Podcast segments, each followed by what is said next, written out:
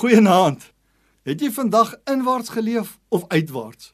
Met ander woorde, het jy net oorleef of het jy jou uitgeleef? Vandag sluit ons die veeplan van die goeie nuus van Jesus af. Die laaste vee staan vir vrygewig. Vrygewig staan teenoor verarm. Het julle al van die skrifte in die Bybel gelees wat maak dat party mense sê haleluja en ander sê eina? Nou spreek dit 'n paar van hulle. Lees saam met my Spreuke 11 vers 24 tot 25.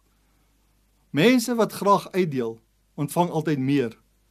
Daar is ander wat synig is en hulle word verarm. Mense wat ander iets gun, het self altyd oorvloed. Hulle wat ander se dors les, is self altyd verkoop. Nou is jy synig of deel jy graag uit? As jy vergewig is, sal jy altyd meer ontvang. Maar as jy 'n skaarsheidmentaliteit het, verarm jy net meer. Ons is besig met die veeplan van die goeie nuus van Jesus. Nou die goeie nuus van die evangelie van Jesus begin met die vrygewigheid van die Vader. Johannes 3 vers 16.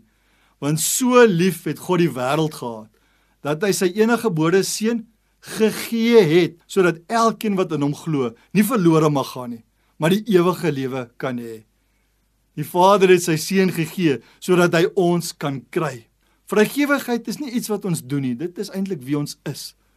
As ons werklik ontdek wie ons geskaap is om te wees, na die beeld en gelykenis van God, dan sal ons ook ontdek dat ons gemaak is om vrygewig te wees.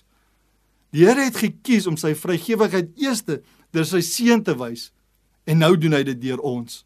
Ons is na sy beeld en gelykenis geskape en God is vrygewig, so ons is ook vrygewig. Vrygewigheid is nie net iets wat ons doen nie, maar eerder wie ons is. Jy kan of 'n gesindheid van skaarsheid hê of een van vrygewigheid. Skaarsheid sê daar is nie genoeg nie en ek moet hou wat ek het.